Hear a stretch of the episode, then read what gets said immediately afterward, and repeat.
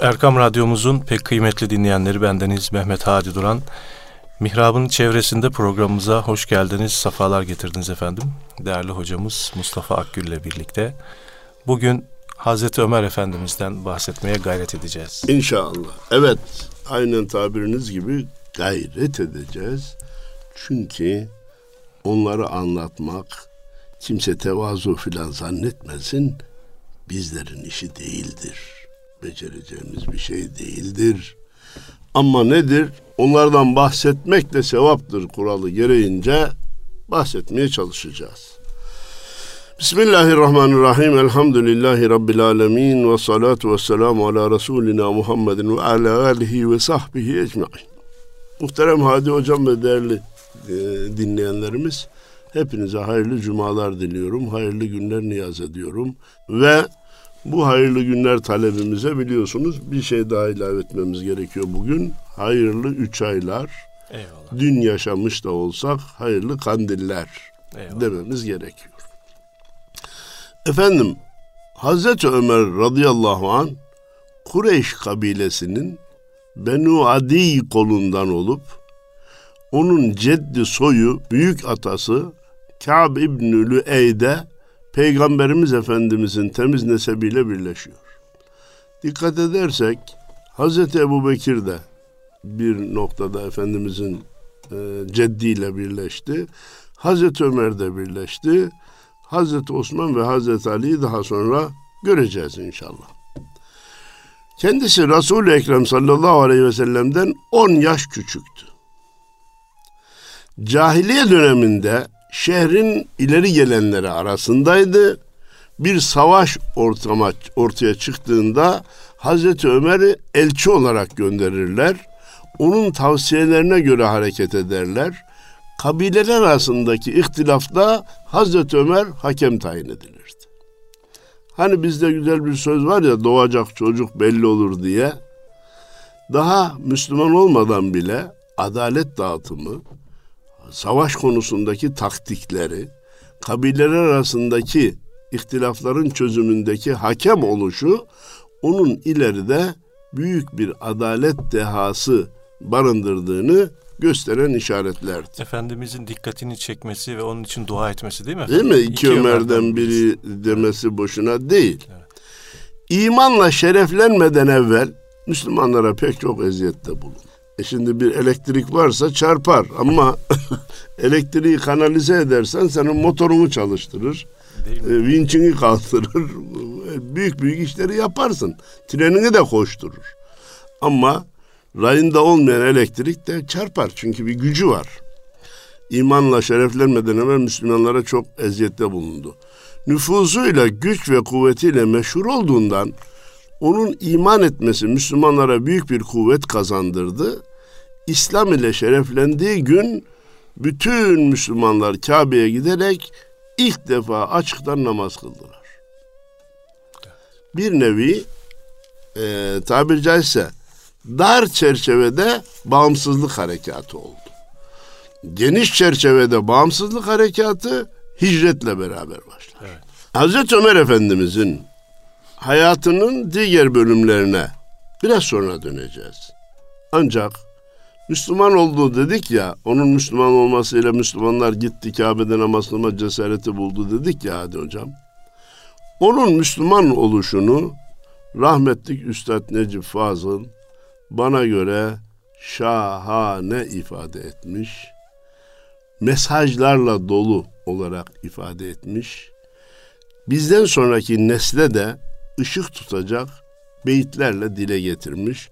Onu izninizle dinleyenlerimize de iletmek Buyurun. istiyorum. Bir garip zaman oldu. Ortalık duman oldu. Bildikler düşman oldu. Havuzlar umman oldu. Ömer Müslüman oldu. Sözü sözdü, gerçekti. Onu öldürecekti. Efendimiz'i. Ömer kılıcı çekti, göklerden ferman oldu. Ömer Müslüman oldu. Taha ma enzelna aleykel Kur'ane liteşqa göklerin fermanıydı. Ona yolda bir adam Dedi vurmaksa meram senin kardeşin Müslüman. Olanlar yaman oldu, Ömer Müslüman oldu. Kız kardeşi, hakikat, Müslüman mısın? Tokat, kan içinde bir surat. Sonunda pişman oldu, Ömer Müslüman oldu. O ses sokağa vuran nedir? İşte bak Kur'an. Baktı çarpıldı bir an, içi süt liman oldu, Ömer Müslüman oldu. Kur'an esrar olu, sonsuzluğun solu, gösteren ok kulluğu, inkarı iman oldu, Ömer Müslüman oldu. Son cümle de o kadar çarpıcı ki. İnkarı iman oldu, Ömer Müslüman oldu. Var olan elektrik müsbete dönüştü, gücünü müsbete kullanmaya karar verdi. Medine'ye hicret edince şehir merkezinde 3 kilometre uzakta bulunan Kuba'ya yerleşti Hazreti Ömer. Tasavvufta büyükler için büyüklere yakın olma konusunda iki önemli söz var. Bir, çok yakın olma yanarsın, çok uzakta kalma donarsın derler. Sanki çok yakın olma yerine üç kilometre ileride olmayı tercih etti. Bir de büyükler buyurmuş ki dizimizin dibinde nice, nice müritler var bize fersah fersah uzaktalar. Nice fersah fersah uzakta olan müritlerimiz var bizim dizimizin dibindeler. Tasavvuf mekanı, mesafeyi de alt üst eden e, fevkalade bir iklimin adı. Orada yerleşti. Resulullah Efendimiz mühim kararları alacağı zaman Hazreti Ömer'le mutlaka istişare ederdi. Hatta malumunuz birçok konuda Hazreti Ömer Efendimiz teklif getirdi. Şöyle olsa şöyle olsa diye. O ayet, konuda ayet, ayet indi.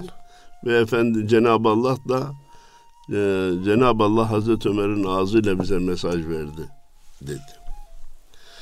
Kızı Hafsa validemizi Resulullah ile evlendirerek Peygamber Efendimizin kayınpederi olma şerefine erdi.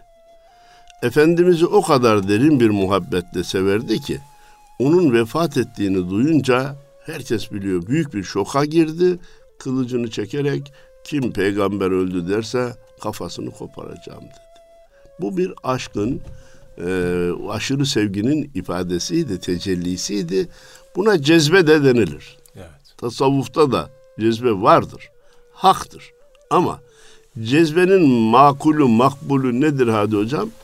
Fire, bütün fren gücünü kullandıktan sonra gücü yetmeyip de açığa çıkan makbuldür. Evet. Yoksa kendi teşvikiyle, kendi arzusuyla ortaya çıkarsa o bırak makbul olmayı çok da büyük tehlikedir. Evet. Şimdi kızı Hafsa validemizi Resulullah ile evlendirdi cümlesine dönmek istiyorum. Hazreti Ebu Bekir de malumunuz kızı Hazreti Ayşe'yi Efendimiz'e evlendirmişti. Her ikisi kayınpederi. Hazreti Ali ile Hazreti Osman da Efendimiz'in damadı. Efendim e, bir e, Alevi meşrep bir kardeşimiz e, bir büyük zata sormuş. Dört halifenin hangisi eftaldi diye. O büyük zat anlamış işi. Bintuhu fi beytihi demiş. Kızı evinde olan. Hmm. Şimdi çık çıkın işin, işin müthiş bir formül. Kızı evinde olan e, faziletliydi, üstünüydü. Hazreti Ebu Bekir ile Hazreti Ömer'in kızı peygamberin evinde. Hazreti e, Peygamberin kızı Hazreti Osman'la Hazreti Ali'nin evinde kızı evinde olan deyince dördüne de yorulması mümkün. Müthiş bir formül. Bentu bintuhu fi beytihi. Efendim Peygamber Efendimizin vefatı üzerine zuhur eden karışıklıkta Hazreti Ebu Bekir'in kısa zamanda halife seçilmesini Hazreti Ömer sağladı. Evet öldü diyenin kafasını vururum dedi ama Hazreti Ebu Bekir dedi ki doğru yok yanlış yapıyorsun kim Hz. Muhammed'e tapıyorsa haşa bilsin ki o vefat etmiştir. Kim Allah'a ibadet ediyorsa o haydır diridir deyince o tabiri caizse kabına sığmayan Hazreti Ömer o cezbeye gelen etrafa kılıç sallamaya hazırlanan Hazreti Ömer birden inikti, duruldu, üzüldü hakikat karşısında. Yani ikna olduğu zaman da süt liman tabii, olabilen ama tabii, ikna etmek ikna lazım. olması gerekebilir. Hakikati duyunca evet. Bu çok önemli. Teşekkür ediyorum işaret ettiğiniz için. Değerli dinleyenlerimiz, her birimiz zaten kendimizi haklı bilmesek ortaya çıkmayız veya sesimizi yükseltmeyiz. Ama hakikatin delillerine dair karşıdan meseleler ortaya konduğunda özür dilerim. Doğrusun. Yani nefsi bir şey yapmıyor. Sen haklısın. Evet. Ben bir kere dedik bunun üzerine devam Heh. edeceğim diye bir iddiası Bu, bu büyüklük yok. azizim. Özür dilemek. Eski görüşünü terk ettiğini, karşıdakinin fikrine ikna olduğunu söylemek gerçekten büyüklüktür. Öyle sıradan bir büyüklük değil gerçekten büyük. Bunu Hazreti Ömer'de iki yerde görüyoruz. Birisi Efendimizin vefatındaki bu olayda, birisi de Hazreti Ebubekir'in zekat vermeyenlerle savaş ederim dediğinde ya Ebu Bekir sen ne yapıyorsun la ilahe illallah Muhammedur Resulullah diyenler nasıl kılıç çekersin? Zekatla namazın arasını ayırana ben kılıcı çekerim diye. O halim selim olan Hazreti Ebu Bekir'i kararlı ve celalli görünce ben Hazreti Ebu Bekir'i kararlı gördüm doğru söylüyor dedi. Bunu bacar becerebilmek bugünkü e, Müslümanların ana görevlerinden birisidir. E, İmam-ı Şafii Hazretlerinden de bir nakil var. Buyuruyor ki, hiçbir münazaraya, fikri müzakereye diyelim biz, oturmadım ki, hiçbir fikri müzakereye oturmadım ki, hakikat inşallah karşımdaki kardeşimin dilinden meydana gelir de ben de kabul ederim diye düşünmemiş olayım. İnşallah karşımdaki söyler ben de kabul ederim diye düşünerek çıktım diyor. Çünkü böyle olması halinde nefis de terbiye edilmiş olur. Hilafeti müddetince Hazreti Ebu Bekir'in en büyük yardımcısı oldu. Burada ne var e, e, Hadi Hocam? Bir makama siz de gelebilirsiniz, arkadaşınız da gelebilir. Diyelim ki o geldi. Ben gelecektim madem o geldi, o zaman ben bırakayım. Bırakayım bir. Hatta ona engel teşkil edeyim. Ben başarısız kılayım. O başarısız olsun ki sonra insanlar tekrar bana muhtaç olsunlar. Bunlar çok nefsani düşüncelerdir. Evet. Biraz daha ileri gitmek istiyorum. Şeytani düşüncelerdir. Evet. İslami olan, ruhani olan davranış nedir? Bugün görev onda, ben ona yardımcı olayım. Gün gelirmiş, nöbet bana gelirmiş, gelmezmiş. Onu da hesap etmeyecek. Onu da hesap etmeyecek. Zaten canı gönülden yardımcı oluyorsa etmiyor demektir. Hesap etmiyor demektir. Hazreti Ebu Bekir'in vefatından sonra İslam'ın ikinci halifesi malum Hazreti Ömer oldu. Burada ben bir ara sohbette dile getirdiğim bir şey dile getirmek istiyorum. Hani İslam ve savaş söz konusu olduğunda birçokları bazen aman kafirler bize kızmasın diye, bazen onlara şirin görünmek için, bazen halim selim yumuşak görünmek için İslam'da hücum savaşı yoktur. Sadece başkası bize çatarsa biz ona onunla savaşırız diye bir söz söyler. Halbuki İslam'da cihat diye bir kavram var. Ve ben cihad etmek üzere gönderildim buyuruyor Peygamberimiz. Gönderilişinin sebeplerinden birini de cihad olarak gösteriyor. Cihad nedir? Bütün dünyaya ilahi kelimetullah dediğimiz La ilahe illallah Muhammedur Resulullah hakikatini yaymak gayretine cihat denir. Bu ya sulhen olur, kapısını çalarsın, ben burada Allah'ın gönderdiği Kur'an-ı Kerim'le hükmetmek istiyorum. Hay hay dedi mi? Malı da onun, canı da onun, her şey onun. Bir şeye dokunulmaz. Hayır dedi mi? Çarpışma başlar. Çarpışmadan sonra yine malında, canında e, serbesttir. Ama o arada tabii ganimet dediğimiz çarpışmanın bir bedeli de onlardan. Hocam aslında yeri midir de bilmiyorum. Şu Buyur. anda bugünkü devirde böyle bir imkan var mı? Ha. Yani İslami anlamda bu şekilde bir cihat e, Şöyle, Allah razı olsun. Söylediğiniz için teşekkür ediyorum. Hani bugün bakın Suriye'de bir şeyler yapılıyor. Bugün biz e, ideolojik ideolojik cihat bize e, darbe bize karşı yapılıyor. Evet. Hatırlarsan Amerika Başkanı ağzından kaçırdı. Hilal ve haç mücadelesidir dedi. Yani onlarda da bu duygu bitmiş değil. Tabii ki. Biz, bizde de. Ha, bizim toprak bütünlüğü, bayrak, vatan bütünlüğü konularında çarpışmak mecburiyetindeyiz. Hatta ne yapıyoruz şimdi hem de haklı olarak? Sınırlarımızda değil, sınırlarımıza yakın yerde bize bir tehdit oluşursa ona da müdahale ederiz diyoruz. Evet. Bunlar cihat ruhunun ayakta kalmasıyla yapılan şeylerdir. Evet. Yapılması gereken şeylerdir. Bütün bütün öldüremeyiz. Üç, bir 15 Temmuz gecesi yaşadık. Milletin yaptığı cihattı işte. Evet. Bizzat ölme, öldürme öyle lafına kalemine filan e, tevilli cihat değil arkadaş. Bizzat ölme ve öldürme gecesiydi. E, dün akşam da bir siyasi ekranda biraz dinledim.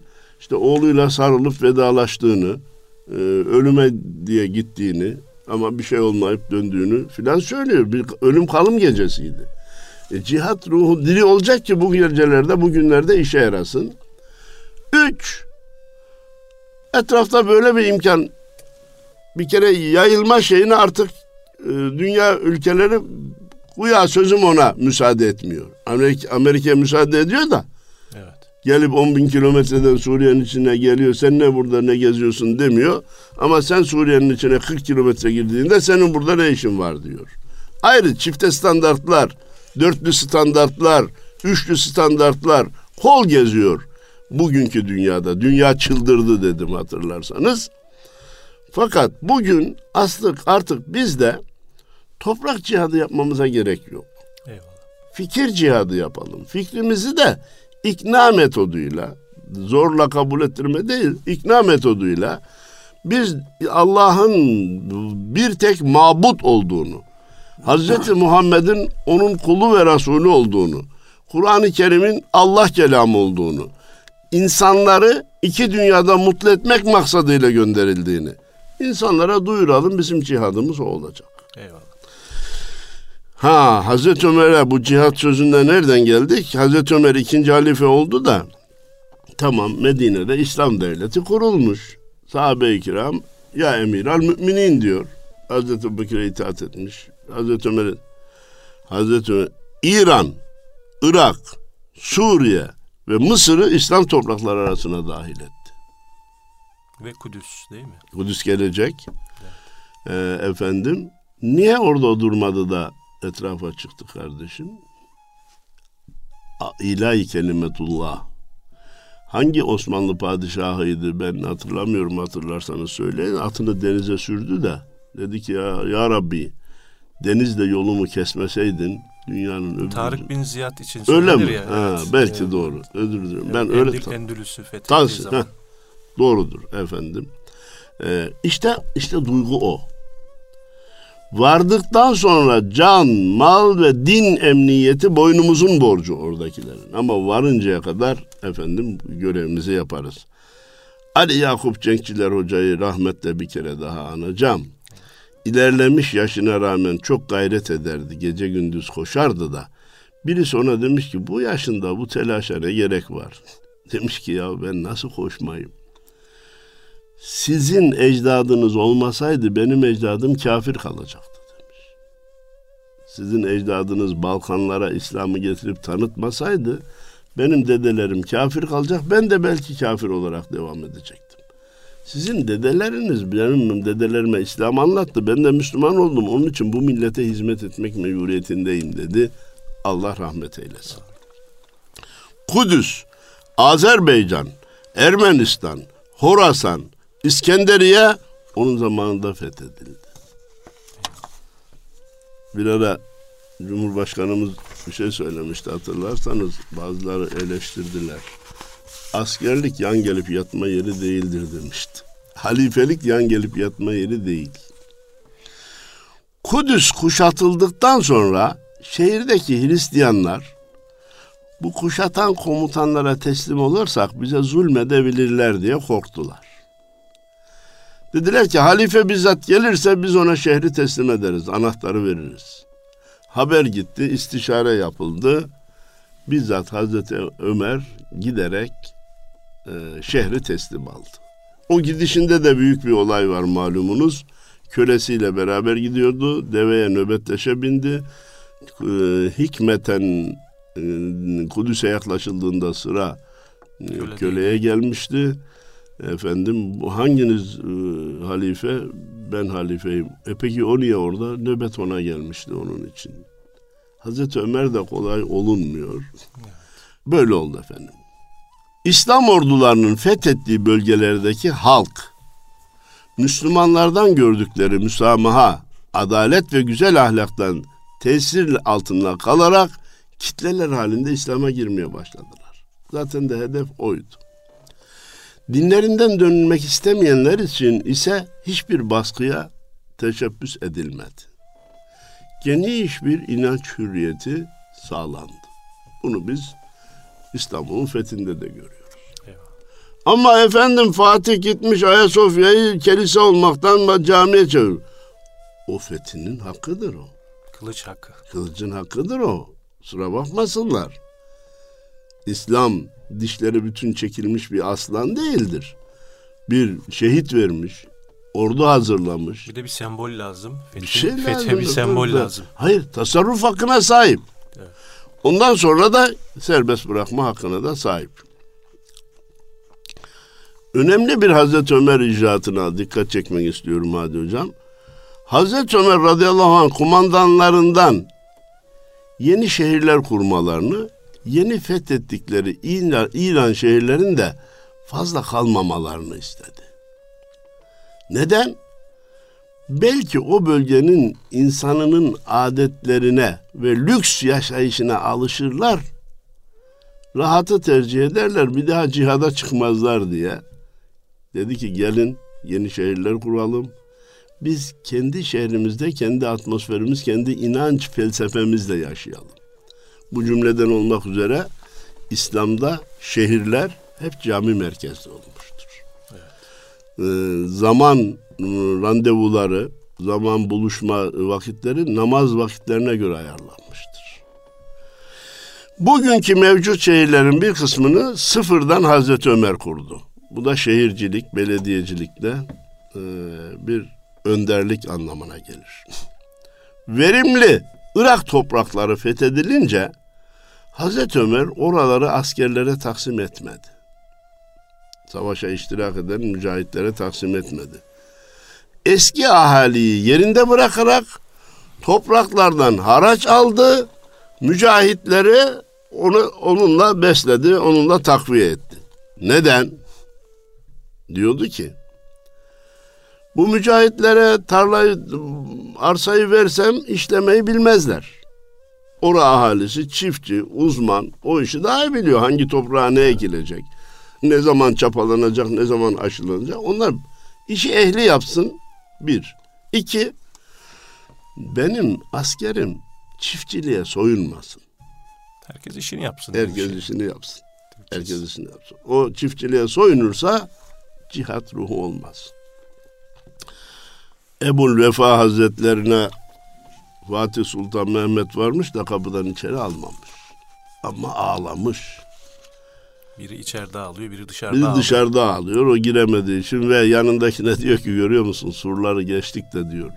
Bir velinin kapısını açamadık. Ha sonra soruyorlar Ebu Vefa'ya niçin böyle oldu? Buraya gelir tekkenin manevi lezzetini alır devlet işlerinden uzaklaşır. O orada lazım, biz burada lazımız. Müthiş bir taksim. Onun için zaman zaman ifade ettim. Ben ırkçı olmadım da hadi hocam Osmanlıcı oldum. Eyvallah. Çünkü benim ecdadım Osmanlı İslam'ın yeryüzünde devlet olarak nasıl uygulanabileceğini dünyaya göstermiş. Evet. Müesseselere ayırmış. Birleşeceği yerde birleştirmiş tahta padişahı geçirmiş, fetvasız hareket edemezsin demiş. konumuz dışı Allah bütün ecdadımıza rahmet eylesin. Amin. Ganimetlerle devlet hazinesi dolup taştı Hazreti Ömer zamanında. Bunun üzerine Hazreti Ömer radıyallahu an İslam'a hizmet edenlerini göz önünde, e, hizmetlerini göz önünde bulundurarak Müslümanlara maaş bağlamaya karar verdi. Vergi toplama yerine tabi, e, tabi olanlarına, Müslümanlara vatandaşa maaş dağıtma. Hazreti Ömer'in Müslümanlara bağladığı bu maaş senelik tahsisat şeklindeydi. Ha. Aynı zamanda parayı da ilk o İslam geliyor. Evet. İlkleri var. Evet. Hazreti Ömer'in ilklerinde gelecek. Ee, bugün hakikaten de ben şahsen bütün samimiyetimle şunu söylüyorum Hadi Hocam. Bugün devletin vatandaşa e, yaptığı katkı ne kadar sürebilir diye endişe ediyorum. Amerika'da yok. Hadi hocam. Avrupa ülkelerinde yok. Bu kadar sağlık takviyesi. Bu kadar efendim. Annene bak sana maaş vereyim. Hastana bak. Engelli çocuğuna bak sana maaş vereyim. Her bir vesileyle devlet vatandaşa bir şeyler veriyor. Bunlar hoş şeyler ama ya bütçe buna ne kadar dayanacak diye ben buradan korkmaya başlıyorum yani. Allah güç kuvvet versin. Kaza yani mahkeme işlerini, yargı işlerini bir düzene koymak için valilerden bağımsız kadılar tayin etti. Önce valiler aynı zamanda kadılık hükmünü de görüyordu. Bir ihtilaf söz konuysa vali hallediyordu. Dedi ki sen vilayetin diğer işleriyle uğraş. Mahkeme hem senden bağımsız olsun. Burada güçlerin ayrılığını görüyoruz. Yönetimle yargı birbirinden ayrı olmalı. Niye olmalı? Gün gelirse yöneticinin bile mahkeme edilmesini kadı sağlayacak. Evet. Mahkeme sağlayacak. Fethedilen bölgelerde okullar açtı. Buralara müderrisler, müdürler, öğretmenler tayin ederek Kur'an, hadis ve fıkıh öğretimiyle uğraşan bu alimlere maaş bağladı. Efendim bu faaliyetlerden ücret almak caiz mi değil mi? Müezzinlikten, imamlıktan, vaizlikten, fetva vermekten e, maaş almak caiz mi değil mi? Mütekaddimin uleması caiz değildi demişti. Sonra dediler ki bu işler insanları meşgul ediyor. Onların da geçimi lazım. Caizdir hükmü verildi. Onun için e, bugünkü e, hademe-i hayrat dediğimiz İslami hizmeti yürütenler maaş alıyorlar. E, ama değerli meslektaşlarımıza da bir cümle iletelim. Bu verilen görev hakkıyla yerine getirilmezse alınan maaşın o kadar bölümü haram olur. Verilen görev hakkıyla yerine getirilmezse alınan maaşın o kadar bölümü haram olur. Biz namaz kıldırdığımız için değil, ezan okuduğumuz için değil, vaaz nasihatta bulunduğumuz için değil, o gün orada bulunduğumuz için ücret alıyoruz. Evet. Bunun da altını çizdik. Devletin her tarafında camiler inşa ettirdi. Onun zamanında 4000 adet cami yapıldığı rivayet edilir. Allah Allah. 4000 adet abi büyük cami. Hicret hakla batılın birbirinden ayrılması kabul ederek takvim başlangıcı kabul edildi. Yılın başlangıcı. Ama yıl hangi aydan başlayacak? İlk ay hangisi olacak meselesi ortaya atıldığında Hazreti Ömer, Hazreti Ali ile Hazreti Osman'ın işaretlerinden dolayı Muharrem ayı yılbaşı kabul edildi. Onların işaretinin sebebi de neydi? Tevbe suresinin 108. ayeti. Metni oradan okuyalım efendim. Le mescidun ussise ale takva min evveli yevmin ehakku en tekume fihi fihi ricalun yuhibbune en yetetahheru. Vallahu yuhibbul muttahirin. Ha diyor ki sen e, öbür e, fitne yapmak fitne olsun diye e, yapılan mescide gitme. İlk gününden takva üzerine kurulan evet. mescide, mescitte bulunman evet. daha layıktır. Buradaki ilk gün deyince ha dediler ki bu da ilk gün kavramı. Yılın ilk günü olsun. Muharrem ayı bundan oldu. Biraz evvel işaret buyurmuştunuz. Hazreti Ömer zamanında e, ilk olarak yapılan işler var. Evet. İlkler var. İlk defa emirul müminin sıfatı onda ortaya çıktı. O, ona hitap edildi. Ona hitap edildi. Teravih namazı cemaatle kılınmaya ilk defa onun zamanında başladı. Yani X profesör karşı çıksa da O devlet başkanı ya. Hazreti Ömer'e hüküm koyma yetkisi vermiyor. ya da Hazreti Ömer bilmiyor sen Ya sen biliyorsun. Bir de o Allah değil, peygamber değil. Anladık canım Hazreti Ömer Allah peygamber değil de sen kimsin? O bu hükmü verdiği de devlet başkanıydı. Kur'an'ın iki kapak arasında toplanıp yazılmasını ilk defa o teklif etti ve bu tahakkuk edinceye kadar ısrarla üzerinde durdu. Şu Kur'an meselesini bir kere daha netleştirelim. Hazreti Ebu Bekir zamanında malzeme olarak toplandı. Kitap haline Hazreti Ömer zamanında getirildi. O kitap çoğaltılarak etrafa Hazreti Osman zamanında dağıtıldı. Evet. Trafiği birbirine Karıştırmayalım. Bir kısmı Hazreti Osman'ın dağıttığı daha meşhur olduğu için sanki durdu durdu durdu da Kur'an-ı Kerim Hazreti Osman zamanında toplandı gibi düşünüyorlar. Hayır.